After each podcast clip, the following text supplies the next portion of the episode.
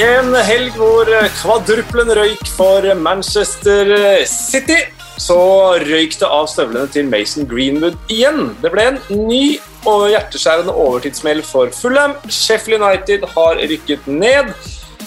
Norwich har rykket eh, opp. Det betyr hat trick for eh, Tetti. Og så kom det jo litt nyheter i går kveld, da som vi uh, ikke kommer unna. Det er en ny superliga på gang. Vi skal gi deg våre tanker om det. Og så tenker jeg at denne innledningen var sånn ja, to terningkast to, kanskje, føler jeg. så jeg skal overlate Du går opp et øye på terningen, altså. Gratulerer.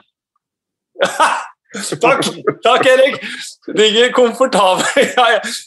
altså, såpass lite ydmyk er jeg at jeg går ett et terningkast opp, ja. Eh, det gjør jeg. Opp til, opp til en toer eh, der. Erik, du ligger komfortabelt klar til å dele av din eh, kunnskap og visdom. Kverulere, som Kasper kaller det. som Kasper kaller det.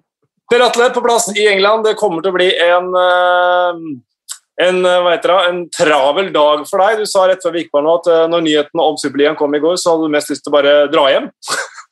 Ja, vet du hva. Det, det var liksom etter, etter, en lang dag så var det der det siste, siste man, man, trengte. Men det, blir, det, kommer til å bli nok å gjøre både i dag og, og, resten av uka, og resten av måneden og resten av sesongen i England. Så jeg blir ikke arbeidsledig med første. i hvert fall. Og Kasper, bryr du deg egentlig om Superligaen nå som Norwich er tilbake i Premier League? Uh, ja, det var jo egentlig det som sikkert da var det som uh, satte i gang uh, alt sammen. da, Opprykket til, til, Norwich. Og nå skjelver de buksene, de, de, største klubbene. Og det er jo forståelig, det. Antageligvis så var nok det tungen på vektskålen, ja. Ok, eh, Superligaen. Når folk hører dette, så har de sikkert fått det med seg, men eh, i bunn og grunn så har uh, Manchester United, Manchester City, Liverpool, Chelsea, Tottenham og Arsenal av de engelske klubbene signert på en avtale som danning av en superliga. Milan, Inter, Juventus, Barcelona, Real Madrid og Atletico er også med. Det skal være snakk om selvfølgelig masse penger, og det handler jo om at de klubbene som ser på seg selv så store at de helst vil ikke ha konkurranse fra de klubbene som er eh, mindre. Eh, det har vært eh, reaksjoner på reaksjoner, og det har nesten vært unisont negativt. Jeg så de Organisasjonen for fotballsupportere i Europa de kalte planene for uansvarlige og alt som går imot konkurranse. Eneste som vil tjene på dette, er hedgefond, oligarker og en håndfull allerede rike klubber, mange av dem som gjør det dårlig i sine respektive ligaer får de økonomiske um, fordelene. Ok. Uh, Erik og Kasper, dere var jo på en spesialsending i går. Den kan du for så vidt se på tv2.no hvis du vil det. Men vi kommer ikke unna å prate om det her, uh, her, heller, for det har jo skjedd litt ting etter den sendingen i går. Blant annet har jo det kommet en uh, hva heter det, pressemelding fra disse klubbene. hva skal man, skal man si, gutt? jeg syns jo i hvert fall eh, eh, det, altså De bruker jo et kommunikasjonsbyrå for å sende disse pressemeldingene. Jeg syns godt de kunne lagt litt mer penger i kommunikasjonsbyrået. At, eh, når de skriver da eh, Football is the only global sport in the world with more than 4 billion fans. And our responsibility as big clubs is to respond to their desires. Akkurat som dette virker som dette er et unisont krav. At nå må vi få sånn superliga. Hvis ikke så er våre liv rett og slett bare eh, halvveis. Og eh, giving fans and amateur players regular flow of headline fixtures that will feed their passion for the game while providing them with engaging role models. Dette er altså så mye fuckings bullshit at du blir jo helt matt av hele greia. Altså. Og, og dette er jo Alt dette er bundet i at de som eier, eller har fått lov til å eie fotballklubber, egentlig er mer opptatt av penger enn av fotball. Dette er en finansiell investering. Og sånn som verden har blitt, og sånn som finansielle investeringer funker, så handler det hele veien om vekst. Hvis du ikke har vekst, og helst kraftig vekst, så står du i ro, og da dør du på sikt. Så det er vekst, vekst, vekst hele veien. Gjennom sammenslåinger eller oppkjøp eller nye modeller, sånn som dette her. Da driter en basically i ting som heter fair play, eller at all skal ha en fair sjanse, eller at dette blir en lukka klubb. Det har ingenting å si. Det betyr ingenting så lenge det blir vekst og mer penger. Og Så er det jo ting her som at de faktisk lover eh, Jeg tror de lover er det, er det 100 milliarder til, til, andre klubber over de neste 23 år, eller noe sånt. Og Hvordan de har greid å regne ut dette, jeg fatter jeg ikke. Men de prøver jo å si at dette er Ja, de kaller det til og med solidaritet. De bruker ordet solidaritet oppi dette her greiene. Noe som er jo å, å spytte i trynet på alle som uh, vet hva det ordet betyr. Så uh, dette her er pure greed og, og for en gjeng som aldri får nok. Jeg kan love dere, hvis dette bare da Det starter her. og Dette er jo ikke liksom Ja, men nå har vi fått det som vi vil. Det er bare til å balle på videre. Og, og De neste dagene nå blir så utrolig viktige. Der en må ta den fighten der alle må mobilisere og stå mot, for det, det betyr noe. Hvis de plutselig begynner å frykte at ja, det kan bli boikott av lagene våre, fansen kommer ikke til å møte opp. Eh, hvis, hvis, Uefa greier å slå en liten kile i dette her, og kanskje få ett av disse tolv lagene til å begynne å tvile litt, eh, og, og, kanskje trekke seg, så kan det begynne å skje noe.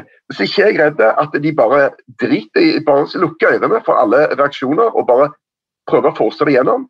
Men en må nå mobilisere for å få stoppa det. Beklager. Det er en, ja, det er en liten nøkkel der. da, for eh, Det er Uefa som sitter på TV-rettighetene f.eks. til Champions League til 2024.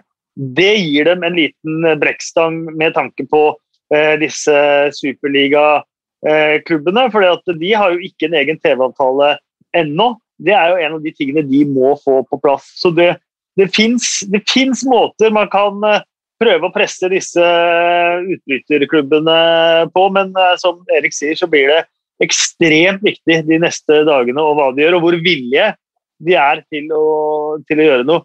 Og så skal vi heller ikke glemme at vi blir jo rasende for, for dette her, eh, selvfølgelig, og, og, hele verden så blir man, eh, blir man det. Men dette er, dette er, på en måte et bed man har sådd litt selv gjennom mange mange år, og, og som man høster av nå. Eh, grådighet, eh, enorme penger, alle de tingene der har vært nøkkelfaktorer i utviklingen både av Premier League, eh, av Champions League, av internasjonal fotball, VM. Det å, å, å, å, kanalisere både penger og formue til, til, seg selv og til noen få, det har vært utgangspunktet for det aller meste som har skjedd i fotballen. Det er ikke sånn at Premier League er en liten lokal liga som har tatt vare på 130 år gamle røtter hele veien, eh, og at det er det som blir ødelagt når man snakker om England f.eks. For fordi at eh, grådigheten har eh, definitivt vært det som har rådet der òg. Eh, og da er det som Erik sier du fortsatt, eh, Kasper, du kan fortsatt rykke opp og ned. Du kan fortsatt være Sheffield United i, i League One og, og, være oppe i Premier League to år senere. Det er mulig. Sant? Dette Absolutt, er mye lukka greier. Ja, ja, absolutt. og Derfor er jeg klin imot dette her, jeg også, Erik. og Helt enig i det du, du, sier. Vi må bare ha det i bakhodet også, at, at det er ren, ren grådighet der. Og så, og så skal vi heller ikke la oss lure til å tro at disse eierne i Manchester United, Liverpool og andre noen gang på noe som helst tidspunkt har vært opptatt av fansen sin. Aldri i livet. De har vært opptatt av én ting, og det er profitt. Det er å øke globalt. Det er å tjene penger det er å gjøre merkenavnet eh, så stort at man kan tjene enda mer penger. Og, og, og, hensynet til fansen har på en måte og de, Bare det at de kaller, kaller det fire milliarder fans Jeg kunne rettet en pressemelding for dem med en gang. Jeg har kryssa over fans og kalt det kunder. De er ikke opptatt av eh, fansen som er på tribuna. De er ikke opptatt av fansen som reiser med laget på bortekamper. De er ikke opptatt av de som er vokst opp med klubben eh, kvarter fra stadion. De er ikke opptatt av noen ting, de er opptatt av de som betaler masse penger for, i Kina, i Norge, i andre steder for å se eh, fotballen på TV. Og for å være kunder på den, eh, på den, måten og bruke masse penger på klubben. Det er det de er opptatt av. Eh, mennesker skal gi dem profitt. Eh, det gjelder Liverpool, det gjelder Manchester United og det gjelder de andre klubbene òg. Atle, du var på Emirates når det begynte å komme ut, stemmer det? At, uh, hvordan, hvordan, var stemningen eh, blant uh, kolleger på pressetribunen da? Var det som, var det noe du merka underveis i kampen? Ja, man, man, la litt merke til det, for det ble, det ble mye prat om det underveis i, i, matchen her. Og Arsenal Fulham ble på en måte litt sånn sekundær plutselig. Eh, men så sitter man jo der òg på Emirates og så tenker man eh, litt på det når man ser de her lagene som skal være med i denne superligaen, og så sitter man og titter på Arsenal som, som spiller mot, eh, mot Fulham. og tenker at ok, det, det, laget her det skal opp mot, opp mot Real Madrid og, og, Milan og Liverpool og City hver eneste uke. så jeg vet jeg blir bare helt jeg blir helt matt, og det, det, altså det, det, tror jeg egentlig beskriver litt det, det, som man ser i engelsk eh, presse i dag. og Jeg var ute på en avisrunde tidligere, og overskriftene som går igjen, det er liksom 'Criminal acts eh, against fans. Football at war'. Det er liksom noe, det, er borgerkrig, rett og slett. Det, har de store gigantene mot eh, de store gigantklubbene mot, mot Uefa. Men jeg tror vi skal være ja, rett og slett ha litt is i magen. Da, for at uh, det her har jo, det er jo ikke første gangen eh, vi har hørt om uh, Superliga. Det har vært snakk om i, i, mange mange, mange år i forskjellige formater og uh, osv. Uh, og det her det er jo som, som både Erik og, og Kasper er inne på, det her handler jo bare om penger. Altså, grådige klubbeiere skal stappfulle, allerede sprengte lommebøker. Eh, men det kan også være at de får til gjennom akkurat denne superligaen, ikke nødvendigvis med superligaen, men med at de setter press på Uefa. De legger press på Uefa, de legger press på Fifa, de legger press på de her store organisasjonene. Eh, og det kan, de, det kan plutselig gagne dem igjen med at de får, får mer penger. Eh, så at ja, Vi må rett og slett puste litt, og så må vi bare tro at det er folk der som på en måte mm, altså, som har litt moral og som virkelig står for det de sier. For, sånn som Jørgen Klopp, for eksempel, han har jo vært ute tidligere um, i intervjuer og sagt at han håper aldri en, en superliga skjer. Uh, og Ole Gunnar Solskjær, jeg kan ikke se for meg at han ønsker at det skjer med, med, med all den historien han har med Manchester United. Sir Alex Ferguson gikk ut i går og var knallhard imot det. Alle de her gamle spillerne, altså Roy Keane, Jamie Carragher, uh, Gary Neville, eh, alle de har jo vært knallharde ut mot det her. Så man, man, må bare håpe at både spillere og, og managere og, og, og, styrerom at de på en måte at de står litt på sitt. At de blir på en måte fansen sitt talerør i det her. for jeg har ikke jeg har allerede, Klokka er bare ti på elleve her i England, men jeg har allerede snakka med en, en fem-seks supportere til ulike Premier League-klubber i, i dag morges. og de har fortsatt det gode å, å møte én en eneste en som er, er for det her. Uh, så, så, forhåpentligvis så Altså, det, det, må være et fornuftig menneske en plass. og Det er ingen som noen gang som har forventa at de fornuftige menneskene sitter i USA, men forhåpentligvis så sitter noen fornuftige mm. mennesker en annen plass. Og så er de flekke nok til å gjøre det akkurat nå når vi er i en eh, pandemi hvor det ikke er publikum på tribunene, Alle de tingene jeg vil slipper å forholde seg til det. Tenk deg Leeds-Liverpool i kveld. Ja. Uh, fullt Ellen Road uh, dagen etter denne nyheten uh, her. Det hadde ikke gått stille for seg. og Der hadde Leeds og Liverpool-supportere tror jeg vært 100% i samenighet på tribunen også om hva de hadde ment om, om dette her. den på en måte vokale protesten rundt om på tribunene hadde vært massiv de mm. neste ukene nå hvis det hadde vært eh, supportere på, på tribunen. Um, så, så, alt av dette her stinker av både frekkhet, grådighet, uh, av, av, feighet egentlig òg. Det er ynkelig å se lag som på mange måter Arsenal, Tottenham, Manchester City har aldri vunnet uh, en serievinnercup, skråstrek Champions League. Tottenham har et par småtrofeer de siste 30 årene. Arsenal er ikke i nærheten å kvalifisere seg via ligaen til Europa, i hvert fall ikke Champions League neste sesong. Ehm, og så skal man huske, Lars Sivertsen var så vidt inne på det i går også, at mange av disse klubbene er jo store gjennom historie og kultur og tradisjon, men også gjennom sportslig suksess så er jo blitt Big Six. Eh, blant disse 20 lagene som skal være med i denne superligaen, så vil det nødvendigvis være et par lag som blir prygelknaber, og som kommer til å tape mye kamper. Og hvor stas er det? Arsenal, som når de har vært med i Champions League de siste sesongene, som har virkelig blitt herja med av Bayern München og de lagene der. Skal de inn der også ikke være i nærheten sportslig, f.eks., eller et annet, annet lag? Eh, ikke nødvendigvis for å ta akkurat Arsenal her nå, men, men nei, for meg så, så, så, blir det ynkelig hele, hele greia. og det, og det er så lett gjennomskuelig for Barcelona og, og, og, Real Madrid, som har slitt skikkelig med økonomien de siste, så er det jo eh, nesten så redningsaksjon for å, for, å, for, for å, bli store. For amerikanske eierne så dreier det seg om, eh, som, eh, grådighet. Og så, alle disse her slagordene. Du ser 'Football's nothing without fans', står det på Old Trafford. Eh, is nothing without fans, står det på Old Trafford. Eh, uh, klubb, Barcelona, i all verden! Uh, kan bare kaste disse her slagordene her rett på dynga hvis dette blir en uh, realitet. Ja, Du nevner Arsenal, men ta Milan da, i, i, Italia, som ikke har vært i Champions League siden 2014.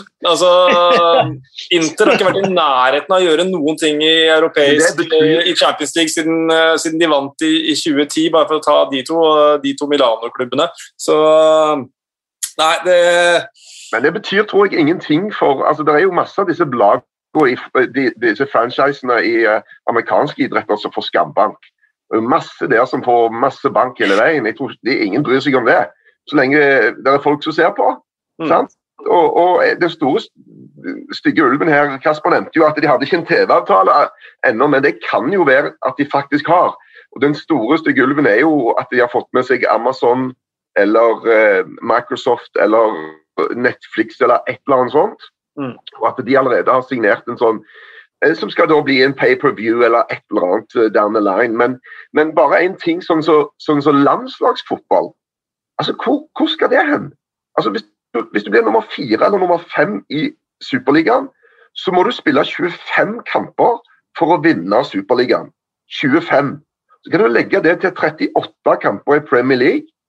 Da er du allerede da, eh, oppe på 63 kamper.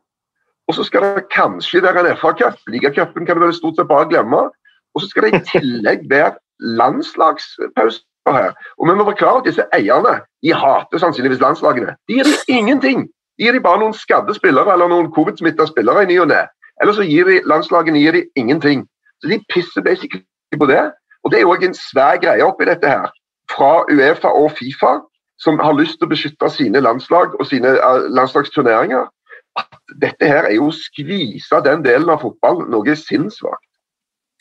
Ja, nå har Uefa og Fifa de har jo trues med at lagene ikke får spille i eh, Champions League. Jeg så det var rykter om at uh, Serie A, La Liga og Premier League ville uh, nekte å gi trofeer til de klubbene som har signert på dette. her og sånt. Og det, den diskusjonen her, den kommer til å gå uh, sin gang i dagene og ukene og månedene som kommer. Det er jeg helt overbevist om. Men det er jo et viktig spørsmål her. Eirik han spør er det fair å bytte lag om klubben i ditt hjerte velger å tenke med lommeboka på denne måten uh, og gjennomfører det? Og uh, du, Kasper Ja. ja, ja. Uh, og du Kasper, du har kommet med noen forslag til hvem supporterne for disse seks engelske lagene i hvert fall, da, kan velge å holde med hvis klubbene bryter ut. absolutt. En liten mini, miniguide skribla bare i går kveld. så Eh, hvis dere har bedre forslag, så hiv dere, hiv dere på. Eh, jeg har prøvd å ta litt hensyn til geografi òg. Det er jo sånn at folk som har reist til, til Liverpool i, i, alle år, de vil jo helst, har jo helst ikke blitt glad i byen og vil ikke begynne å dra til noen nye steder og sånt nå. Har sine faste butikker og puber og sånn eh, så rundt der. Så jeg har prøvd å ta hensyn til geografi i tillegg til, til det å prøve å finne en passende klubb. Så da for Liverpool så blir det jo ganske naturlig Tranmere. Ehm, var på Prenton Park for et par år siden. Eh, flott eh, stemning. Du har en god, gammel, eh, falleferdig stadion hvor fotballkulturen ligger i veggene. Du har en cop end, ganske stor kortside bak denne målet, hvor, man kan fortsette som man har gjort The Cop på, på Anfield. Og selvfølgelig så ligger det i Liverpool, så du kan fortsatt ta både den samme, samme hotellet og samme pubene. Ja, Og så kan du kanskje møte Mike Dean i uh, ølkø? Ikke minst Mike Dean midt på The Cop der. Um, uh, som uh, der. Uh, så har du uh, for, for, Manchester United så er det jo helt naturlig. Uh, du kunne hatt FC United of Manchester, men vi går for Southport.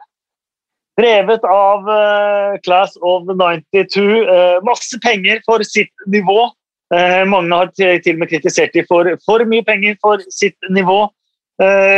vinner cupfinaler på Wembley, ikke minst. Det er jo allerede der. Og er i Manchester-området, så man kan fortsatt eh, kose seg, eh, kose seg eh, med det. Arsenal-supportere de kan ta turen til Brentford. som Arsenal, som hadde fantastiske Highbury, en herlig stadion som jeg var så heldig at jeg fikk besøkt. med all den kulturen som lå i veggene der, flytta til et litt mer sjelløst Emirates nå. Eh, Brentford hadde Griffin Park, som jeg var på. Helt vanvittig eh, fint stadion. Det har vi flytta til nytt eh, stadion, der de også sliter med å, med å vinne, rykke opp og gjøre de tingene som eh, eh, som er nesten har vært litt forventet av de siste par, eh, par sesongene. men fantastisk stadion og stort potensial. Tottenham Uh, der må vi også gå til en annen London-klubb, og da tenkte jeg hvorfor ikke gå i Harry Kanes fotspor til Laton Orient. Flott community-klubb. Var og så de mot Huddersfield for noen sesonger siden. Nabolaget ikke all verden. Stadion kjempefint. Puben på stadion vanvittig bra. tror ikke at noen vil få noen dårligere fotballopplevelser av å dra til Er det Matchbox Stadium de har begynt å kalle stadion der, eh, der nå, for øvrig. Eh, det lurer jeg på. Eh, Manchester City det var vanskelig å finne, egentlig, men jeg havna faktisk på litt sånn som Manchester City. Gammel storhet var jo de som har blomstret til liv de siste ti årene. En gammel storhet som har et nytt, fint stadion, men som ligger veldig brakk, så man kan være med på den reisen igjen, er jo selvfølgelig Bolton. Så, og det er jo i området rundt Manchester og Bolton også, ikke altfor lang reisevei. Flott stadion. Være med på en eh, Det som kan bli en fantastisk reise. De er jo i kanonform nå med, med ny manager er jo faktisk oppe Det så ikke sånn ut bare for noen uker siden, men nå er de oppe i, opprykkskampen igjen, Bolten. Og så for Chelsea så har de fått, eh, de har fått selve indrefileten her. og det er nesten så jeg kan anbefale Eh, de fleste som har en klubb i London allerede. Men eh, nå har det blitt til Chelsea litt for den connection med Dennis Wise og noen andre. Og, og litt, eh, litt, kultur nå. AFC Wimbledon. Wimbledon bygget nytt stadion nå, bort fra Kingstonian og inn på nytt stadion på Plow Lane. Helt vanvittig synd at det ikke har vært noen fans der ennå. Uh, nå ser det ut til å kanskje berge plassen i One nok en gang med en great escape. Tre seire på rad nå, 12-2 i målforskjell på de siste tre kampene.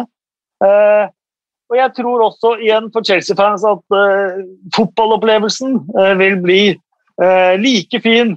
Og du kan dra til London og gjøre alt om du blir Wimbledon-fan. Så dette var min lille miniguide til de som holder med de seks superliga-utbryterklubbene.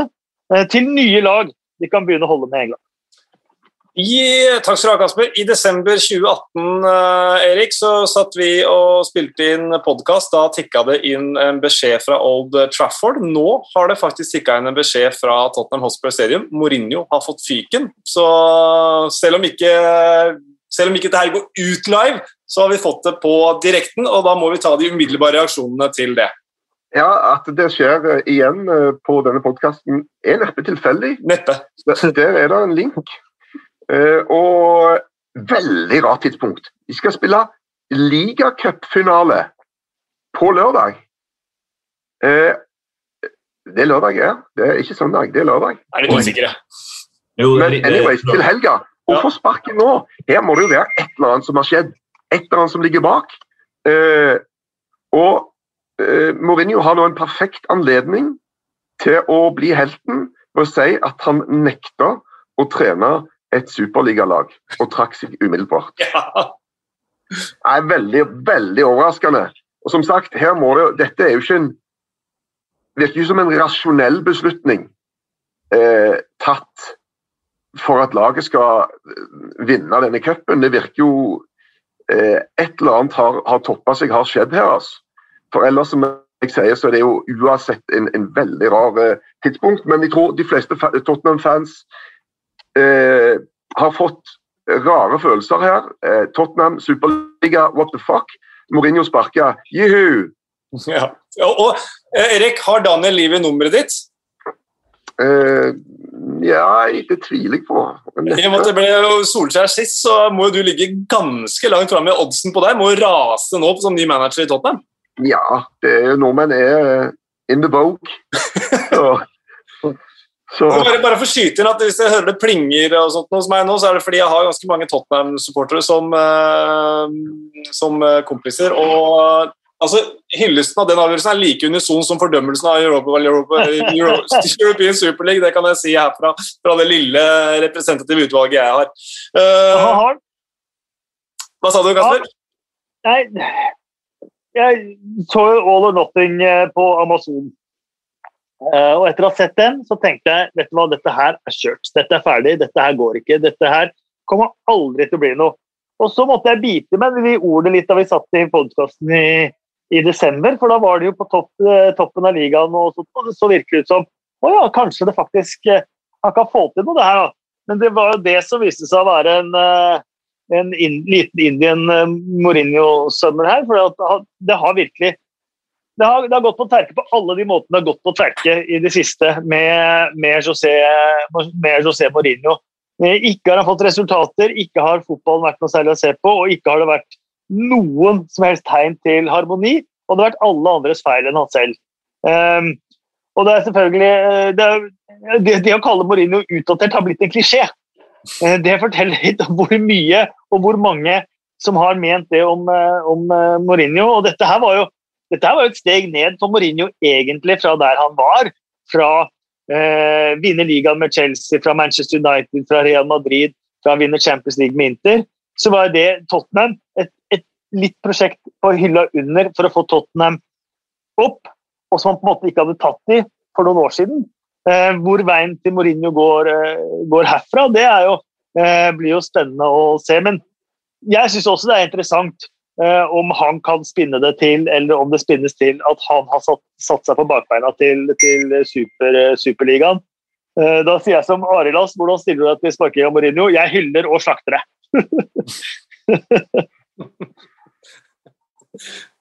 Ja, og Det er jo genialt å gjøre det nå. da. Du slipper i hvert fall eh, Tottenham sånn umiddelbart spørsmål om Superligaen. For det blir noe helt annet som blir fokuset akkurat, eh, akkurat der. Eh, ja. Jeg, jeg så ikke den komme på dette tidspunktet her, så ærlig må jeg være. Men uh, den podkast hadde vi, da vi tippa hvem som skulle få sparken. Mourinho var vel ett av de nevnte navnene. Jeg syns ikke det er noe spesiell overraskelse. Selvfølgelig et rart eh, tidspunkt, men Ja. det er garantert med tanke på Superligaen. At de, det som du sier, Espen, at de liksom får, da får, da får de flytta fokus. Det her skulle skje uansett, så hvorfor ikke bare flytte fokus med en gang? Så Ryan Mason og Chris Powell inn ser jeg som, eh, som midlertidige managere i Tottenham eller The Athletic. Eh, så det kan jo bli en interessant eh, duo. Ryan Mason kan jo ikke være så fryktelig gammel heller, han må være ung eh, Han innenfor er jo eh, ung, yngre enn mange av spillerne, han. Hæ? Han er vel yngre enn mange av de spillerne, han. Nei, er han det? Han er vel Ja, ok, ja. Men nei, tidspunktet er jo merkelig, akkurat etter å ha blitt første manager som har kvalifisert klubben til Superliga og alt. Ja. Ja, med 20.-plass i Premier League, ja. ok. Eh, det blir jo selvfølgelig en spesiell episode, dette, men jeg, jeg tenker vi må også prate litt grann om det som har skjedd på banen i, Men- i helga som var. Ja, men vi må jo også Før det, før det Kasper. Hvem kan ta over Tottenham? Hva slags aktuelle kandidater, eh, kandidater har vi nå til å ta over Tottenham? Det er jo kjempeinteressant. Fordi at Tottenham er jo eh, Og det blir jo enda en ekstra dimensjon med dette superligatullet også, da. Eh, med tanke på manageren som skal, eh, som skal ansettes. Og det, det er jo noen unge fremadstormende. Eh, Nagelsmann er selvfølgelig eh, et navn som vil spekuleres i, men jeg vet ikke om eh, noen av dere andre har noe, noe artig navn å, å kaste i hatten. Nagelsmann er vel eh, eh, eller det har i hvert fall vært rapportert at han har vært i samtale med Bayern. Uh, så det kan jo være at han er en tapt sak for Tottenham, men uh, Tottenham jeg kunne sett for meg, altså Brennan Rogers har gjort det fryktelig bra med Leicester. Det kan sikkert være et alternativ. Uh, Chris Wilder er ledig. Han blir aldri med inn i noen superliga, men hvis det ikke skjer, så kan jo det være et alternativ. Så der, det er to alternativer. i hvert fall men spørs.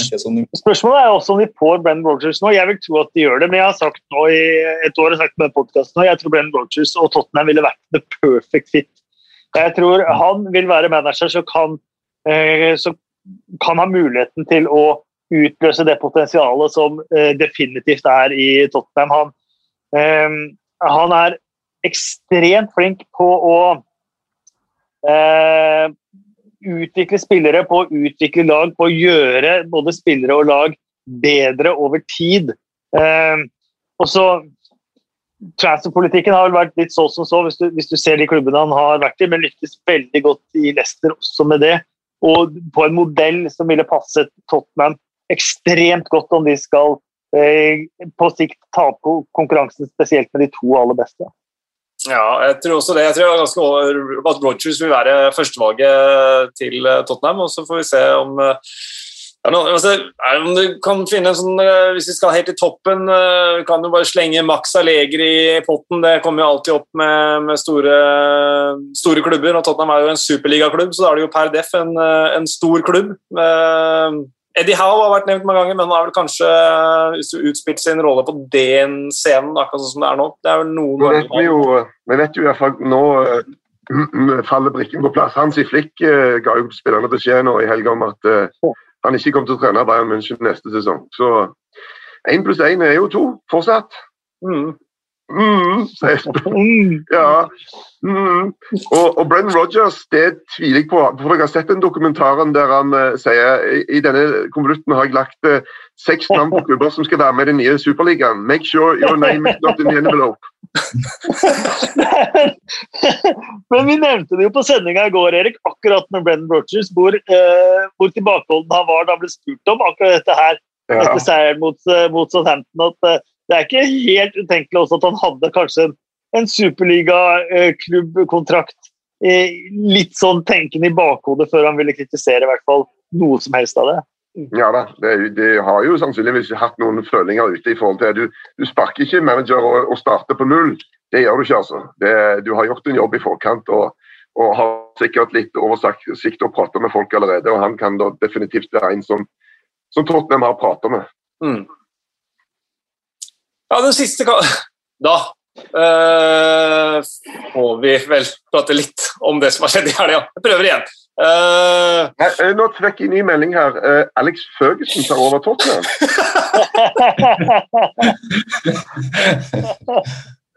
Brian Kidd som assistent, eller? ja. Oi, oi, oi.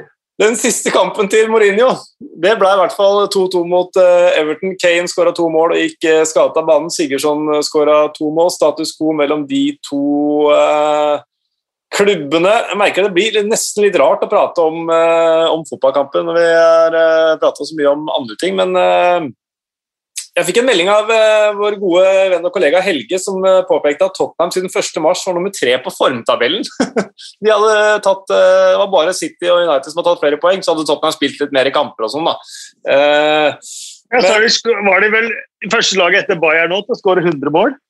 Ja, det var de òg. Så det, det, har jo vært noen, noen, oppturer. Kane med 21 mål nå. han jeg skulle til å si Han, had, han har skåret, vært involvert i 62 mål eh, på 62 kamper under Mourinho. Det ble også fasit. Spørsmålet er om han eh, får, eh, er frisk nok under Mason og Powell. ja, Det vel kanskje en, en, god fotballkamp. Everton var positive. De har slitt litt i det siste. og King var nære å avgjøre. Det var min oppsummering av den kampen. Ja. Det var riktig, det. ja. Det står eh, Apropos King, nå. Ja. Og, så um, spekuleres det nå i britiske aviser om at uh, nå er hans, hans tid snart. Nå skal han endelig få, få spille litt fotballkamper igjen. og uh, Liverpool Echo, Liverpool Echo blant annet skriver at det er tid for at uh, Alex Iwobi abdiserer og gir plass til kongen. Eh, så da ja, ikke sant? Fint. Så det, så det kan jo være at eller Forhåpentligvis så får King litt eh, flere muligheter fremover. De har vel eh, er det Arsenal de har ikke helga, Everton? Ja.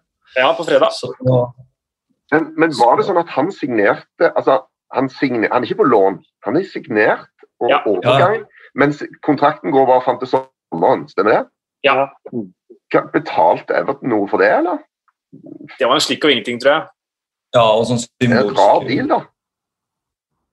Altså, Ja, det, det er sikkert eh, altså, Ifølge i hvert fall dem jeg snakka med fra, fra Everton-leiren og dem som har kilder inn i Everton, så er det at Everton har fulgt Joshua King i, i ganske lang tid.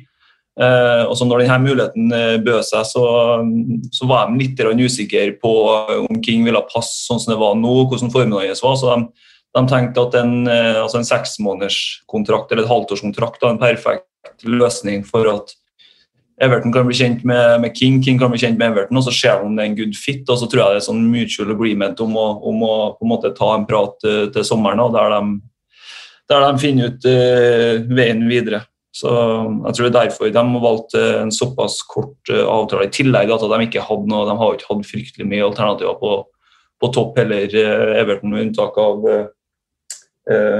Calvert Lewin og Richarlison, selvfølgelig. Så, så har det vært, vært tynt. Yes. På Old Trafford, Manchester United 3, Burnley 1. Mason Greenwood med to skåringer. Rarere ting har skjedd enn at ledelse på denne størrelsen har blitt kastet bort, sa Ole Gunnar Solskjær. Åtte poeng opp til Manchester City. Uh, Hvor mye rarere ting har skjedd da? Var ikke, var ikke fem poeng mellom City og United med fire runder igjen i eh, Jo, et stor forskjell da var jo at de møttes.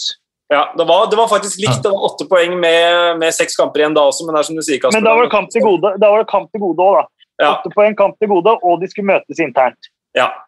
Det er jo en uh, stor forskjell. Det var jo da vi hadde, hadde vi åtte timer bilder, eller tolv timer bilder på eller sånt i den kampen.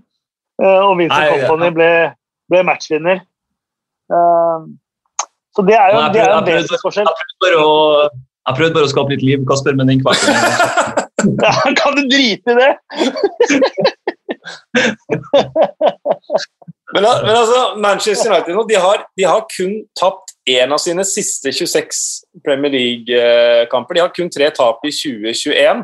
Altså, Overtidsskåringen til Calvert Lewin, tapet mot Sheffield United, uavgjort mot West Bromwich, det svir ekstra nå i uh, etterpåklokskapens lys. Spesielt den Sheffield United, for da hadde vi jo snakka fem poeng, og da hadde vi snakka faktisk at det hadde vært en, en mulighet. Jeg tror skillet for en mulighet eller ikke ligger akkurat i, i den eninga der. Nå har jo Solskjær endelig da fått, fått ordnings på eh, hjemmeproblematikken. Mm.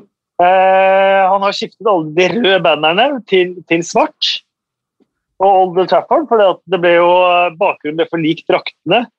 Eh, så det var en faktor for at de hadde gjort det dårligere på Manchester United, eh, på Old Trafford. Jeg føler liksom, Helt siden han tok over Ole Gunnar Solskjær, så har han prøvd å være litt eh, Sir Alex Ferguson. Han skal liksom boikotte et medium, han skal liksom gjøre, han skal gjøre liksom de tingene som, som The Gaffer eh, gjorde. og Vi husker matchen mot, uh, mot uh, Southampton i sin tid da de bytta drakter i, i, ved halvtid fordi at uh, spillerne ikke fant hverandre med de, de draktene de hadde da.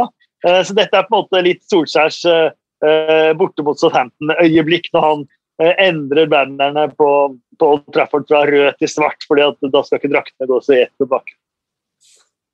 Hatt en kjempeeffekt. Slått både Granada og Burnley oh, ja. etter, etter det. Oh, ja. Liten, uh, liten hyllest til Donny van de Bake på bursdagen sin. Uh, så United sin Twitter-konto sa at på bursdagen din så skal du vel få gaver, ikke gi gaver. Det var litt artig, syns jeg. Ja. ja. Ikke noe mer enn det. Grattis, van de Beek. Sorry, bare en liten om Det visstnok rapporteres at, at Mourinho har vært imot Superleague-planene og har havna i krangel med Danny Levy og fått sparken. Så det vi pratet om tidligere, kan kanskje viser seg nå. Og så han kommer ut med begge hendene over uh, hodet, jublende etter å ha tatt støyten for milliarder av fotballfans verden over. Mourinho's the man. Vi får se hvordan det utvikler seg. Ja, det er uh, Det er Mourinho på sitt beste. At han uh, klarer å spinne det her sånn. Det må jeg si. Det er stort. Burnley. De, eh, Sean Dyche fikk spørsmål om Erik. Han spurte han ble litt sånn Ja, hvorfor spurte du ikke om Brighton? da? De er der, de òg. Eh, så det var litt klassisk. Dere nevner aldri Brighton. Jo, Brighton har vært nevnt ganske mange ganger, så det medfører ikke riktighet, Mr. Dyche, selv om, uh, selv om jeg liker intervjuene dine. Eh, så de tapte der, altså. Ja, vi eh, går videre til lørdagens kamp eh, på St. James' Park. Newcastle 3, Westham 2. Selvmål og mål for Diop. Ny skåring av Lingard, Linton og til slutt Joe Willoch som matchvinner. Bruce fikk spørsmål om han eh, kunne si at de var trygge nå. Uh, nei, det kan han ikke, for det er alltid en uh, twist i historien med denne klubben her. Men uh, sånn sett utenfra så ser det jo positivt ut med tanke på i hvert fall ny sesong i Premier League da, for, for, Newcastle etter denne her. Og tungt for Westham, som uh, kløna det til i første omgang. Ja, og nå har Newcastle stått både Westham og Everton hjemme borte denne sesongen. Ja. Det har de. Det er jo alltid en interessant diskusjon. Er det om de er bedre da enn Westham og, og, og Everton? Ja, og observerer også at uh, Selv det klarte ikke David Moyes på vegne av Sunderland å ta ett poeng fra Newcastle denne sesongen. her. Selv ikke det. Uh, noe annet om den matchen her, eller? Westham har sluppet inn ti mål på de siste fire. Uh, vi har et veldig gunstig kampprogram igjen. altså. Hvis vi tar bort, altså Chelsea-kampen er jo selvfølgelig tøff, men så er det Burnley, Everton, Brighton, West Bromwich og Southampton. De ligger jo veldig godt an til allikevel uh, i utgangspunktet kunne klare en sensasjonell topp fire. Ja, men de gjør ikke det, vet du. For de de, de, de ødelegger bare for seg sjøl. Altså, sånn som Newcastle-resultatet her òg. Eh, å tape 3-2 der, nå kan både Chelsea og, og, Liverpool gå forbi hvis de vinner. så Liverpool spiller jo i kveld borte mot Leeds, så de kan jo gå forbi med, med seier der. og jeg, jeg, tror hvis de finner en måte å rote det på De, det som de slipper inn vanvittig mye skåringer. Eh, og Det er liksom aldri trygt hvis de kan lede 3-0, eh, altså sånn som de gjorde mot uh, Arsenal det. 3-0 eh, eller 3-1 eller hvem det er da, og 3-3. og det, ja, Nei, jeg tror, jeg tror ikke hvis de klarer topp fire. Det tror ikke jeg heller. Uh, Sander sier Tenk hvor kult det hadde vært hvis Craig, Craig Pawson dømte West Da ville Craig Pawson ha vist ut Craig Dawson. Det er jeg enig i. Det er litt morsomt. Jeg hørte du lo, Erik. Ja, det. Jeg syns det var litt sånn, faktisk. Et skikkelig metaøyeblikk der, altså. ja, ja, ja, det er ordentlig metaøyeblikk. Kasper, du skulle til å si noe. Så forsvant han. Men han kommer kanskje tilbake. Han, øh, akkurat nå er, har vi mista Kasper, akkurat som øh, Premier League har mista José Mourinho. Men øh, vi får satse på at han kommer tilbake. Mens vi venter på det, så kan vi ta kampen du var på i går, Per Atle. En kamp hvor Vel, Arsenal strengt tatt fortjent å vinne ut fra spill og sjanser, men uh... Det er ikke noe superligalag, for å si det sånn. Nei. Start med det. Eh, men Burnley fikk jo en gavepakke fra, fra, Arsenal i går, og egentlig fra, fra dommerteamet. Det ble lagt til sju minutter på, på Emirates, det var egentlig ikke så fryktelig mange som skjønte så mye. Det var jo et par varesituasjoner der, men, men allikevel. Uh, 1-1. Eh, og det er jo merkelig etterpå at det ble en enorm skuffelse for begge lag. Eh, Fulham har sikkert tatt det på forhånd eh, hvis de har fått, fått, spørsmål om det. så selv om de selvfølgelig må ha de, de tre poengene. Men det kom jo et mål da sju minutter på overtid. Matt Ryan med, med, med sist. Så øh, Eller nei, var tredje sist på banen, var man kanskje. Uh, ja, uan, ja, uansett. Hockeyassist. Hockeyassist. Ja, ja. Uansett, og det var, Jeg snakka med Scott Parker etter kampen. Han var forbanna, altså forbanna på, på dommerne både for at det ble lagt til såpass mye tid, og så mente han også at det var en offside da, på, den, på den siste situasjonen. Det var en spiller som, som sto innafor der, men han i hvert fall sånn som jeg så det, så så det ut som han påvirka spillet så, så altfor mye. Så det var vel mer frustrasjon fra, fra Scott Parkers side, og frustrert det var også Mikkel Ariteta med 1-1 hjemme mot uh, Fulham. De kommer liksom aldri i gang, Arsenal. Uh, jeg tror ikke de har vunnet to på rad uh, den sesongen her siden, altså i Premier League siden, helt siden åpningen. Nei. Helt i starten av, av sesongen. Så de, de ah, Nei, Det var en merkelig fotballkamp. og så ble det jo, som jeg var inne på i stad, Kampen ble påvirka av de superliganyhetene som, som kom, kom, underveis der. ingen Martin Ødegaard heller, selvfølgelig. så da det var jo litt uh, kjedelig for, uh, for vår del, men uh, sånn er det. Du, Erik, Scott Parker var inne på det at altså for han som var holding offside, han mente at det påvirket keeperen hans Ariola. Hva, hva, hva, tenker du om de uttalelsene der? Nei, Jeg syns faktisk ikke det. altså. Jeg syns den der Jeg er ganske sensitiv på sånt. Men mm. akkurat den der syns jeg var grei, skal jeg, skal jeg innrømme. Men, men altså Er det en eh, Hva skal du si en, en, manager med et større emosjonelt spenn da, enn Scott Parker. Ikke at han rager, eller han, han ser ut til å ha en sånn melankolsk dybde som er på et annet nivå enn alle andre managere. Han har denne sensitiviteten som, som uh, sannsynligvis gjør han til en, en ladies favorite. For ikke bare kler han seg bra og ser dapper ut på håret, men han har denne emosjonelle måten å, å connecte med, med både seg selv og andre, da, som, som, er litt sånn spesiell. Det er litt sånn show å se. Altså, det, når, når Arsenal skåra der altså det, Jeg syns jo bare så synd på den fyren. Altså. Og han ser ut til å være en så bra mann. Og har virkelig skapt et godt lag, ånd og samhold i et lag som stort sett har kjempa i motbakke hele sesongen. Men når innlånte spillere går grinende av banen etter å ha tapt en kamp som uh, omtrent midt i sesongen, eller litt mot slutten, det, det sier litt om, om uh, ståa i den klubben. og Jeg faktisk beundrer det. Ja, han hadde jo, jeg, vet, jeg, tror jeg nevnte på den poden her før også, det er en helt fantastisk video hvor uh, opprykkstalen uh, til Scott Parker blir uh, satt sammen med The Streets Dry Your Eyes Mate. Den vil jeg anbefale folk å titte på, for det er akkurat det du sier, sier Erik. At, han, at, det passer så utrolig bra der. Det er altså det 23. strake London-derbyet til Fulham uten seier. De har aldri vunnet borte mot Arsenal før. De var noen sekunder fra.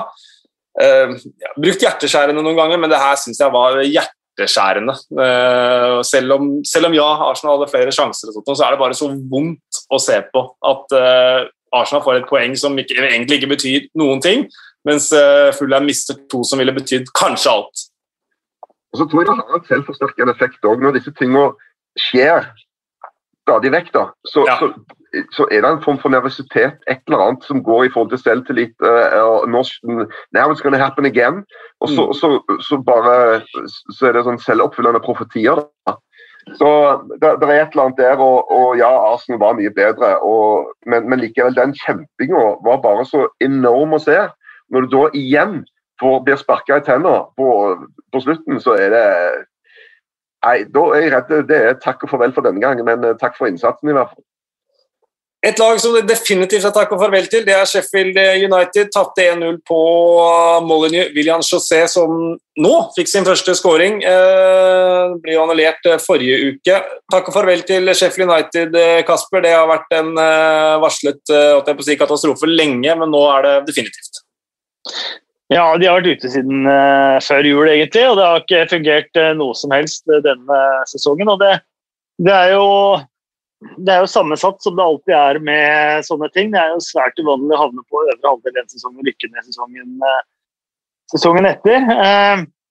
Eh, skal ikke undervurdere den flyten man hadde forrige sesong. Skal heller ikke undervurdere den uh, uflyten denne sesongen som, som starter med, med skader, jevne kamper som vippes gæren vei. Ja, alle de tingene der. Selvtillit i fotball er ferskvare. Flyt er undervurdert mener jeg, ting i, i eh, fotballen. Man, flyt, flyt, eller uflyt kan gi, eh, ja, det kan gi øvre halvdel når du kommer inn i flytsonen og, og, resultatene kommer og du fortsetter bare å dundre på der. Eh, og uflyt kan gi nedrykk så å si med samme, samme lag. Og så er det selvfølgelig da på at ikke har truffet på signeringer og, og de tingene. Men treeren bak har vært en nøkkel for Sheffield United. Eh, Jack O'Connell skada helt i starten av sesongen, og skadene der har balla på seg hele veien. Uh, Sander Berge, stort stort tap, var meget meget god uh, denne sesongen fram til han ble skada, selv om ikke resultatene helt var på topp der heller. Aldri funnet spisser som kan skåre mål, eller spisser som har vært gode nok. Egentlig verken forrige sesong eller denne sesongen, dessverre. Så veldig mange faktorer eh, som har gjort at uh, Sheffield United denne sesongen dessverre har vært sjanseløse. 16 ettmålstap har de. altså. Det sier litt om at de har veldig sjelden vært uh, utspilt, men altfor sjelden vært gode nok. og Da er det 14 poeng. De har fortsatt seks kamper på seg til å ta Sunderlands 15 fra 2016. Derby fikk jo 11 i 2008, så den, den, klarer dem ikke. Wolverhampton med fin flyt nå, Traoré, representert ved Traoré, som etter eh, mange herrens kamper uten noe som helst målpoeng hadde denne kanonen i tverrleggeren og ryggen til Melier, og så har det vært assist, mål, assist. Så, da må Traoré ha, egentlig sesongen hans, er jo egentlig karrieren hans i et uh, lite, lite nøtteskall. Klarte ikke å produsere, nå produserer han. Til FA-cupen. Uh, det blir finale mellom eh, Leicester og Chelsea. Manchester City, Chelsea 0-1. Hakim Ziyech i det 55. minutt. Leicester Southampton 1-0. Inacho i det 55. minutt. Tuchel Uh, har altså tatt Chelsea til semifinale i Champions League. Nå har han tatt dem til finale i FA-cupen, og med det samme sørget for at Manchester City ikke kan vinne kvadruppelen. Uh, imponerende forestilling av Chelsea, egentlig, som holdt uh, City stille nesten hele matchen. Det var jo ikke mange sjansene City skapte. Nei, det var ikke det. Og der viser jo Tuchel litt av det han har gjort siden han har kommet inn i Chelsea. Han har, han har gjort dem bunnsolid, syns jeg, og defensivt eh, spesielt. Så altså, Thiago Silva den eh, kampen var jo helt enorm. Han tror ikke han trådde feil en eneste gang. og Som du er inne på, Espen, da er kvadruppelmulighetene til, til Pep og co. gone. Og så skal de ha en finale mot, mot Tottenham på, på søndag i ligacupen, som vi snakka om i stad. så det ja, det er, ikke, det er ikke, enkelt å, å vinne trofeer. Selv om du ligger, ligger, veldig godt an, så skal kampene eh, spilles. Og, og det, er liksom, det, er ikke så mye som, som selv, om, selv, om, City har vært uh, overlegen denne sesongen, så i enkeltkamper så, så, kan alt skje. og Det viser jo eh, Chelsea her òg. For unison hyllest i, i, britiske aviser i helga her, og Chelsea, og spesielt Thomas Tuchel. Så nei, det er noe, noe på gang der. Og Leicester, det er første FA-cupfinalen siden var det, 1952. De har vært i fire finaler, de har aldri vunnet, men de har mannen som bøtter inn mål i FA-cupen. 14 mål siden 2015-2016-sesongen for Kelechi Nacho. Og Sigbjørn Storsveen spør hvis Lingard er best spiller akkurat, ligaens beste spiller akkurat hvor ligger Nacho på den lista? Hmm. Godt spørsmål, selv om dette var FA-cup. Ti mål på siste sju kampene, ikke har? Noe sånt. Så jo, og, så snakkes du liksom om måltørken til Jamie Vardy, men vi skal gi Jamie Vardy en liten blomsterfast for eh, målskåringen til Kelechi. Da, for det var Kelechi har levd i skyggen av Vardy nå i mange sesonger og har på en måte ikke kunnet spille sammen. Også Når de spiller sammen, så spiller de veldig veldig fint uh, sammen nå. Uh, og Hvem av de som skårer, blir litt, litt mer uvesentlig. Nå er det Kelechi, men det er ingen tvil om at samarbeidet med Vardy gjør også at Kelechi blomstrer. Men det er jo det her også, som er litt sånn, det som er litt sånn fint med fotballen, som, eh, som vi kommer til å miste mye av med, med Superligaen. Sånn her nå at, at Leicester tar seg til en, til en FA-cupfinale på bekostning av, av, fem andre av disse superklubbene. Eh, eller når Leicester eh, vant serien. ikke sant? Det, det er jo sånne, sånne, ting vi vil ha. Vi vil jo ikke se Jeg vil i hvert fall ikke se Det, det kan du vel strengt tatt fortsatt få, da. Ja, men, ja, men hvis, eh, hvis, klubbene her blir med inn i, inn i Superligaen, så får ikke de spille i noe av verken hjemlig serie eller, eller cuper. Nei, ja, det sier jo EFA nå, da. Men uh, ja.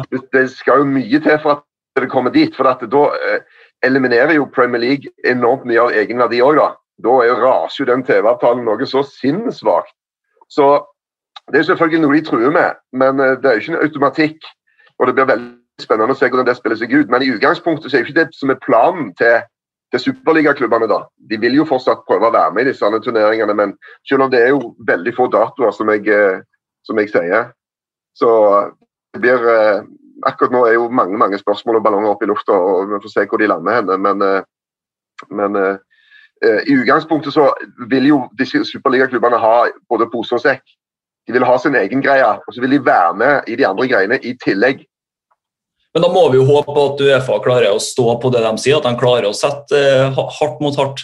Liksom, altså for Hvis, hvis Uefa sine trusler kun, er tomme ord, så får jo superligaklubbene akkurat det de er ute etter. Hvis altså hvis det Uefa sier om, om, Premier League, om Champions League og Fifa sier om VM og, og landslag og den biten her, hvis det kun er tomme ord, da, har, da får jo superligaklubbene akkurat som de vil.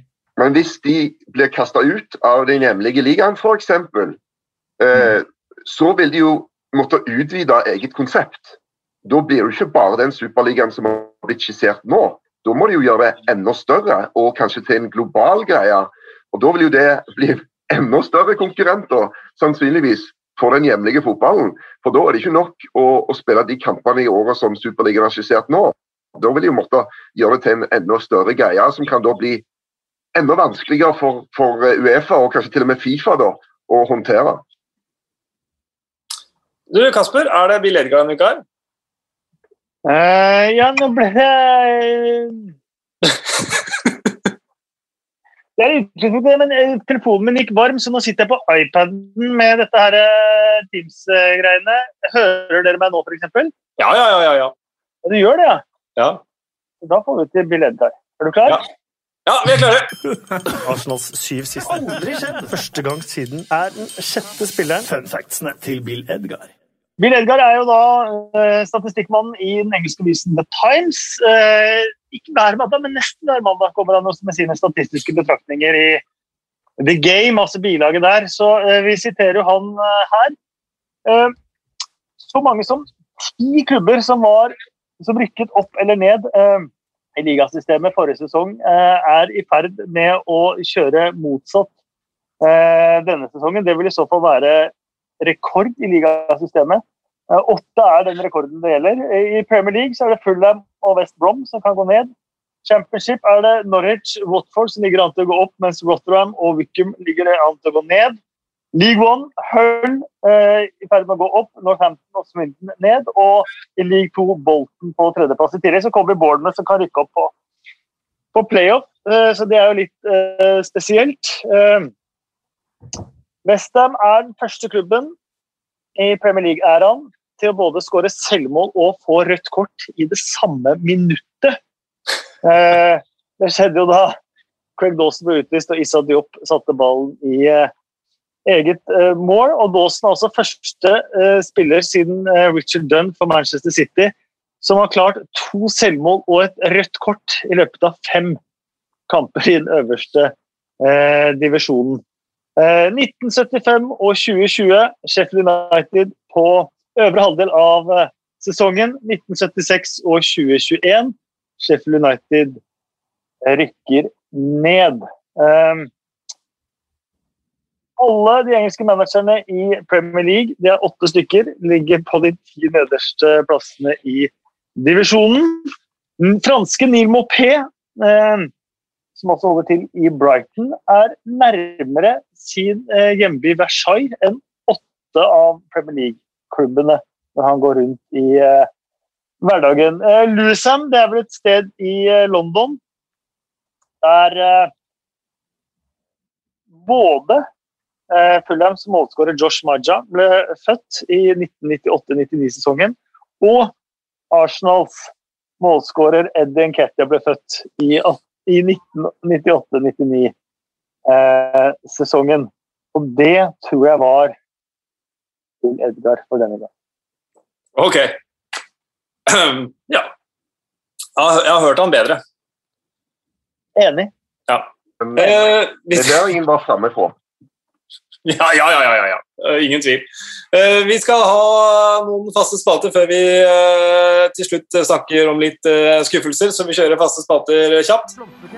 Det var moro å se på. Morata var kjempegod. Hva i all verden? Han snakka ikke om seg sjæl, han snakka om dommeren. Um, kaktusen, da. Er det noen andre enn superligalagene som kan få den, den eh, runden her? Den de her? Nei. Det er helt umulig. Det er helt umulig. Og skal Helt vi, umulig, skal vi si litt om hvor de skal få de kaktusene òg? Gjerne for meg, Erik. Gjerne for meg. De kan ta og stappe de kaktusene langt oppi Ja, OK, nå kan vi gå videre. Da kan vi gå videre. Prikk, prikk, prikk der. Øyeblikket. Hva var øyeblikket for deg, Per Atte? Eh, nei, det blir vel altså For meg så var jo, ble jo øyeblikket den, den skåringa på overtid her med, med Matt Ryan opp. og eh, og at Fulham på en måte mister en så viktig trepoenger. Eh, for den har hatt mye å si, spesielt med tanke på Burnley sitt resultat mot eh, Manchester United eh, et par timer senere. Så det, det kan være et helt, helt avgjørende øyeblikk i Fulham sin sesong. Erik? Ja, faktisk med Ja, det er liksom bare den eh, Du kjente det når den gikk inn, så kjente du det rent fysisk Mm. langt inn i margen. Altså. Og da er det et øyeblikk som, er- som er verdt prisen. Kasper? Eh, ja, også en eh, sen scoring, og det er Joe Willoch sin 3-2 på St. James' eh, Park. Eh, etter å ha gitt opp 2-2 og så komme tilbake 3-2, eh, antageligvis skåringen som redder plassen til Newcastle i Premier League, for litt mer eh, positiv enn dere som sender Fulham ned. Eh, så tar jeg heller den som holder Newcastle eh, oppe. Og tenk dere hvordan St. James' Park hadde vært om det var 55 000 tilskuere. Oh. Ja, men Tenk deg hvordan St. James' Park hadde vært også når det ble 2-2 der. Det hadde vært toxic, for å si det sånn. Da hadde Ja, da Bruce gått i garderoben på lenge siden og kjørt av gårde. Eh, Et aktuelt øyeblikk kan òg være eh, ansiktsuttrykket til Everton-eier Farad Moshiri, eh, som har brukt mange milliarder på å bygge opp et lag og skal lage en stadion til fem milliarder. Så der de skal spille Champions League-fotball. Ansiktsuttrykket hans når han hørte om Superligaen, Mm. er kanskje òg et øyeblikk som er litt trist, da. ja, Det er altså ikke bra. nå, nå gleder de seg til å ta imot uh, Cagliari og Eibar og andre Ja, store klubber. Men uh, med Everton og sånn som de har vært de siste ti årene, så hadde det vel ikke blitt Champions League uansett om man kunne kvalifisert seg inn til det. Beklager. spørs vel, det. Eh, nå ble det to var ikke de et lag ja. som røyk ut i kvaliken engang? Jo da, de havna på fjerdeplass. De fjerdeplass. Havna på fjerdeplass og røyk mot Villarreal, tror jeg det var. Så, så, og det var vel mer Evertonsk, kan vel knapt gjøres. Men det var to på Enketia, én på Willoch, og jeg hadde også Enketia hos meg, så uten at det spiller noen rolle, så tar vi øyeblikket blir Enketia. Blomsten. Kasper, du kan begynne med blomst. Da sier jeg Kelechi Nacho, litt fordi vi har vært eh, inne på supertalent som Han har slitt i Leicester, han har nesten vært omtalt som en flopp i, eh, i Leicester. Og, eh, så har man jo man har jo vært ganske sikker på kvaliteten hans eh, hele veien. Han skåra masse mål i Manchester City, og der, men det har liksom ikke funka med, med Leicester eh, før nå, hvor han virkelig nesten er the main man eh, her. Og det er jo kjempemorsomt og kjempefortjent. Veldig bra tidspunkt å selge han på. Selg han nå. Til en superligaklubb. Hot streak. Han og, og Lingard. Altså, Man United må ikke finne på å ta han tilbake. Selg han nå. Så nei, min, min blomst går til Mourinho, som trekker seg i protest mot Superligaen. For Per Atle. Ja, det er jo vanskelig å ikke eh, være enig i Erik der med Mourinho, men eh, det, det Mourinho-greiene er så nei, bullshit, så jeg går, jeg går på Kasper sin Janacho-skåring. Avgjør eh, sender Leicester til finale. Da vinner uh, Inacho den, men du vant hjertet mitt, uh, Erik. Med uh, den ukjente helten av Magnus R mener at en liten blomst burde gå til materialforvalteren til Manchester United som fant fram en barnecaps til Dean Henderson. ja, som, som tydeligvis likevel var stor nok til å gli nedover øynene hans. Ja, åpenbart. Noen andre ukjente helter her? Ja, Han er ikke ukjent, men han har forsvunnet litt ut i det ukjente, egentlig. Og, og så Jeg liker han så godt. øh, og han hadde jo en fantastisk påvirkning på kampen også, Shamus Seamus Coleman. Uh, som jeg titter, Han er jo ikke som god vin som bare blir bedre og bedre, men han er som en sånn skrukorkvin som holder seg ganske bra. Og det, det, gjør han jo virkelig. og må jo være et av tidenes kjøp, i hvert fall i Premier League-æraen. Uh, og fantastisk type spiller. Uh, alt mulig. Så, så, en som på en måte aldri egentlig har vært ukjent, i hvert fall ikke på veldig lenge, han har blitt litt ukjent igjen, uh, Seamus Coleman. Ja. Kan jeg bare hive ut en og det er jo litt sånn, for, for en ting, altså Alle fotballfans hater fotballautoriteter. Det er liksom bare en sånn innebygd greie at en har en skepsis mot de som sitter og styrer. For de har liksom andre interesser og andre prioriteringer enn fotballfans. Men Alexander, akkurat nå så må vi heie på Alexander Seferin. For han er sjef for Uefa, og ikke så kjent for veldig mange. Men han har nå en syk fight på hendene. Og når du leser litt om det dramaet i kulissene For det å organisere den superligaen når folk ikke kan treffes, er jo litt sånn at det må skje på en måte på bakkanaler og, og via nett og sånne ting. Og Seferin er gudfar til Andrea Agnelli sin, sitt barn. Og Andrea Agnelli er formann i eh, Juventus. Han er i Fiat-eierne-familien. Og han er også, han var leder for European Club Association, interesseklubben europeiske fotballklubber. Eh, altså 246 klubber skulle han representere, men har da gått fullstendig under jorda. Gjort seg utilgjengelig for Seferin, som er altså gudfar til en av ungene hans. Og har dolka sin venn i ryggen med det han nå faktisk er med på. Mens det som er i vår historie, lille historie, her er, er helten Seferin står tilbake og skal prøve å redde stumpene og få denne fotballskuta her til faktisk eh, holde seg flytende. Så eh, et litt fra sida forslag på en fyr som eh, fotballfans er vant med å være oppdratt til å hate. Men akkurat nå så tror jeg vi må sette over litt til Seferin, at han greier å, å, å redde dette. Per Atle? Går ikke an å si noe på den appellen her, så det Seferin for min ukjenthet, men da må han faen meg stå i det òg, ja.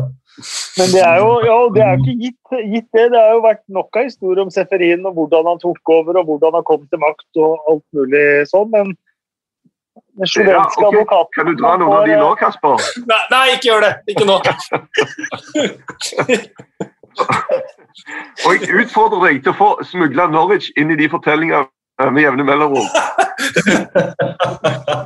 Slapp av, Erik. Jeg skal, få, jeg, skal, jeg skal få smugla Norwich inn på tampen her. Jeg skal Ny, ny innsidepassing til Kasper etter hvert.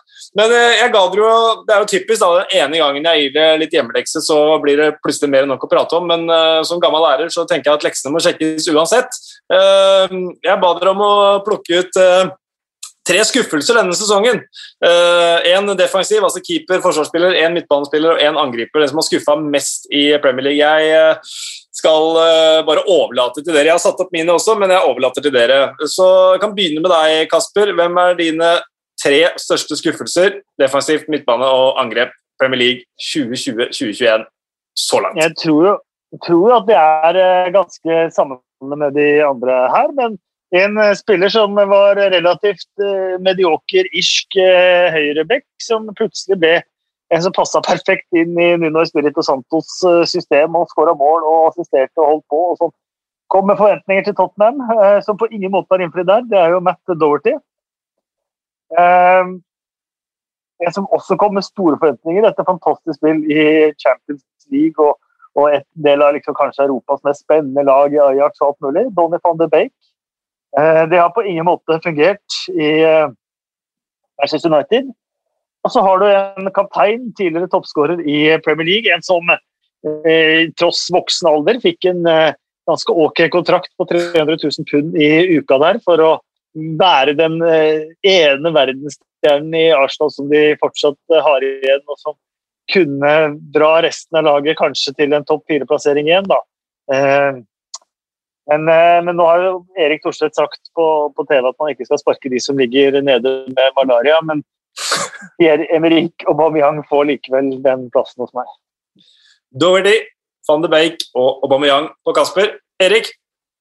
Ja, jeg må innrømme at denne hjemmeleksa har ikke jeg fått. Hvor, hvor sendte du den hen? På tekstmelding! Nei. Jo, jo, jo. jo. Perfekt, det! sto- Du hadde sendt den til og med samtidig til meg og Erik, så er jeg på tekstmeldingen. Ja, helt Ok. riktig. Det går Ja, fint. eh, men eh, kan jeg levere i morgen? Eh, Dette var mye brukt på når jeg gikk på skolen. Beklager, men kan jeg levere i morgen? ja, men det jeg pleide å si da Nei, da gjør du. Nei, da, da, nei men da, da ser jeg som jeg gjorde som lærer. Da gjør du så godt du kan nå. Litt Ja. er bedre enn ingenting. Bikkja spiste tekstmeldingen. Litt er bedre enn ingenting, Erik. Få en midtbanespiller, da. Da tenker han, Dor eh, da tenker han Dorothy, Sander Bake og så Aubameyang. Ja. Altså, Van de Beek synes jeg er litt sånn for Han har nesten ikke spilt. Liksom, han har spilt så lite. Og jeg tenker sånn eh, at eh, det er jo Er det, er vi sikre på at det er hans feil? Det er ikke, det er ikke bare Man United som har bare kjøpt da. Jeg tenker liksom Det å ta spilleren, men, men var Man United visste de hva de fikk? Trengte de den spillertypen? Spiller de på en måte som passer ham? Eh, Jeg føler at det gjør de faktisk ikke. Jeg føler at de har bare bomma på å kjøpe en spillertype som de ikke vil ha. Um, og, og Dorothy har jo samme agent som Mourinho, I rest my case. Um, og, uh, men Aubameyang er det ingen tvil om. Uh, og nå skal jeg ligge veldig lavt, og det er et par andre her på, i panelet også som skal gjøre når det gjelder hår, men håret til Aubameyang det hjelper ikke på saken. Altså. Seriøst. Det, det er ikke fint. Han var finere før. Ja, det var det. Vet du hva, Erik? Nå var du, nå, dere dere sitt, satt ved siden av hverandre i klasserommet, dere nå. Og så, så kopierte du litt leksa, og så, Ja. men så gjorde du det. Ja, ja, ja, så kommer du der, lander du på beina, det er veldig veldig bra. Jeg hadde, jeg hadde kjøpt den med glimt i øyet. Uh, per Atle, du har hørt leksa. Eh, har ikke det, vet du, for jeg er den, er den, fyren som glemmer lekser når det begynner å koke litt for mye, så da blir leksa sikkert tiendeprioritet. Så jeg, måtte, jeg, prøvde å skynde meg å tenke her nå mens de to andre gikk gjennom, men jeg er i hvert fall enig med Aubameyang. Da. Han, har vært, eh, han synes jeg har vært fryktelig svak eh, både på og utenfor eh, banen denne sesongen. Malaria kan han selvfølgelig ingenting for, men han har vel Men da skal du få en av meg, du som også er venn med Chris uh, Wilder. Uh, Rian Brewster. Ja. Ja. Han, ja, han har vært, eh, han, men han har ikke skuffa like mye, for at han har ikke jeg i hvert fall hatt like store forventninger til som jeg har hatt til Aubameyang. Eh, det å forvente Det er 24 millioner pund, altså? Eller 30 Ja, ja, han var jo-. Veldig god i Swansea forrige sesong. Og da Men- hadde han med mål på selvtillit. Men pri, prislappen kan en liksom ikke gjøre så mye med, men at en, eh, at en, en 20-21 år gammel spiss skal løfte et Sheffield United-lag som ikke fungerer, det blir litt mye å be om i mitt hode. i hvert fall. Men han har skåra null mål. Ja. Men, men uh, uh, Hvor mange har Rolly McBurney skåra? Jeg har, Et. har, hvis du har hørt på denne podkasten mye, så vet du hva jeg syns om Oliver McBurney. Ja, men det, er sånn, det er liksom det er ikke han som skal bære det laget der, da, mener jeg i hvert fall. Så jeg, jeg står på Aubameyang på, på, eh, på topp. Og så på midtbanen til meg så blir det Thiago. han Kom fra Bayern München som ja, omtalt som kanskje verdens beste midtbanespiller. Eh, har selvfølgelig kommet inn på et Liverpool-lag som har vært fryktelig skadeplaga og som har slettet, men jeg forventa at han skulle gjøre mer for å, for å løfte laget. her. Han har vel ikke bidratt med et eneste målpoeng ennå heller. Eh, ikke en assist, så har vel så vidt en hockeyassist. Så eh, Thiago har vært eh, synes jeg har vært en veldig stor skuffelse med tanke på det eh, renommet han kom inn i, i Premier League med. Eh, så han syns jeg har vært skuffende midtstopper eller forsvar der der er jeg blank ennå. Altså. Som sagt, jeg har ikke gjort lekser, så jeg har liksom ikke Jeg prøvde, prøvd å tenke på noen der, men Nei.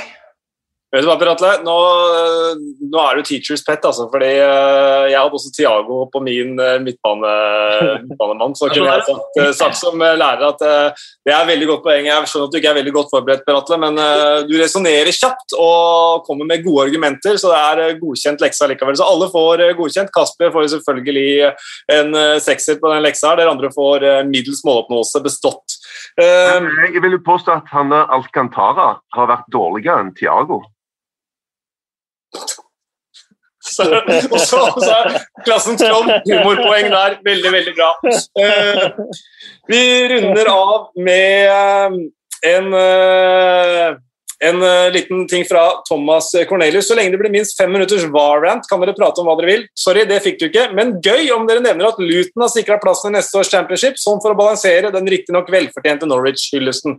Nå fikk vi ikke hylla Norwich eh, så mye, men vi kan ta et kjapt spørsmål til eh, slutt. Men jeg, jeg kan bare si de slo Watford, og det slo meg også med tomme tribuner og sånt, hvor vanvittig det matchet hadde vært på Kenworth. Luton og Watford de hater hverandre. Eh, og Watford liksom skal befeste direkte opprykket, og så, og så er det der det stopper.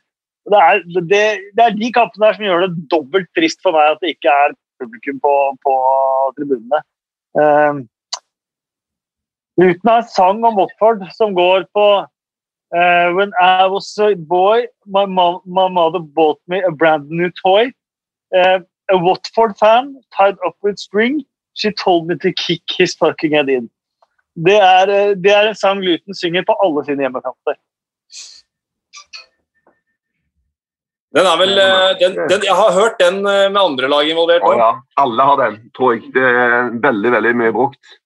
Eh, så men Før vi runder av, så må jeg si at Superligaen nå, ifølge min siste melding, fortsetter sin sjarm offensiv.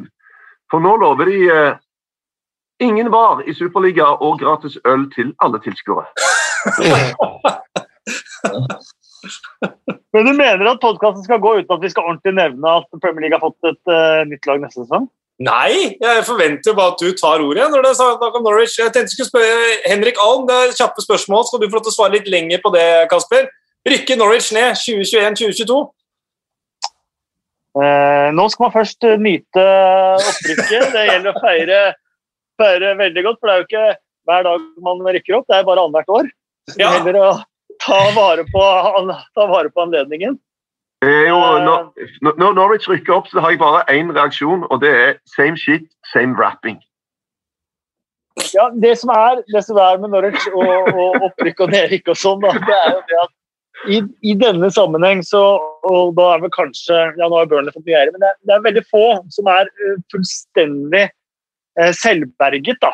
Eh, med tanke på at man ikke har en eier som kan gå inn med et eneste pund. Eh, Delia Smith eh, har, er ikke rikere enn en vanlig rik person. Det er liksom ikke enorme penger. så man kan ikke bruke mer penger enn det man faktisk tjener. og Det er jo det som gjør den forretningsmodellen litt spesiell. Det betyr at man må eh, selge spillere. Man har ingen spillere som tjener i nærheten av det som faktisk er snittlønna i Premier League.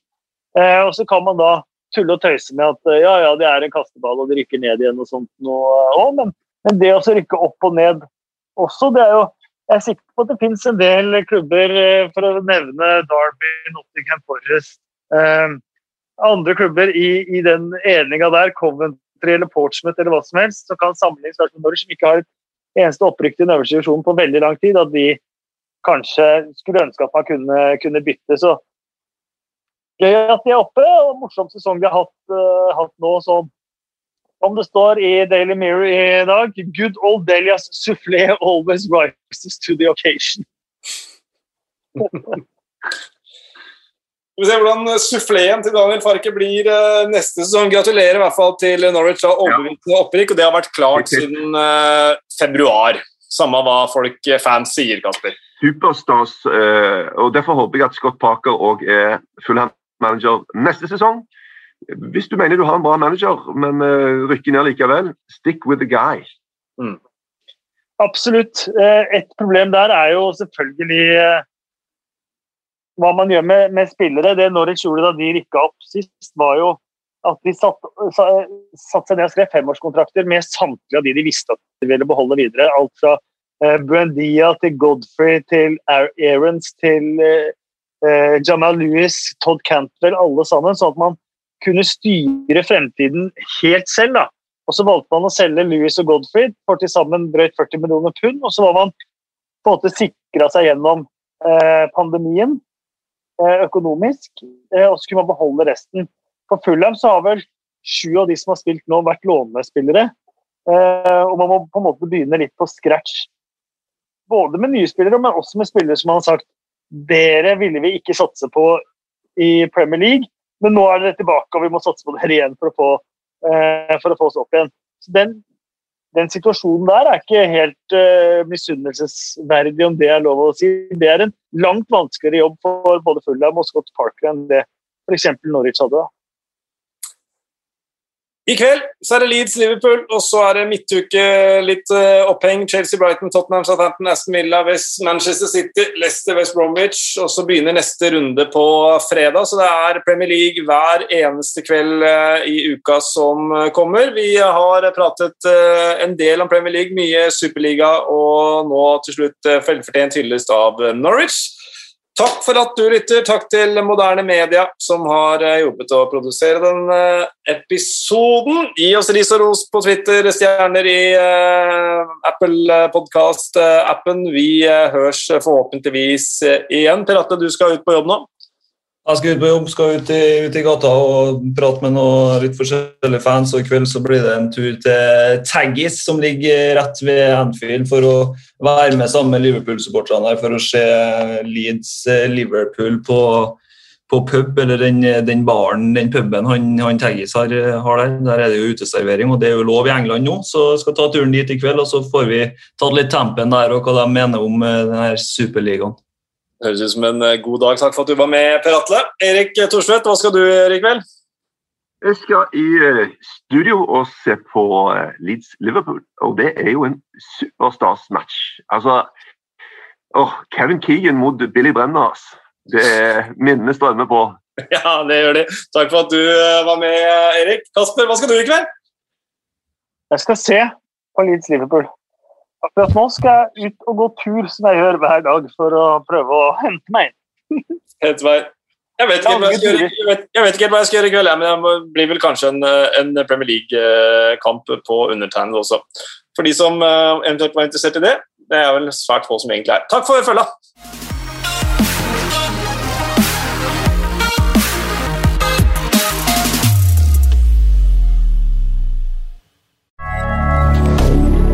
Moderne media.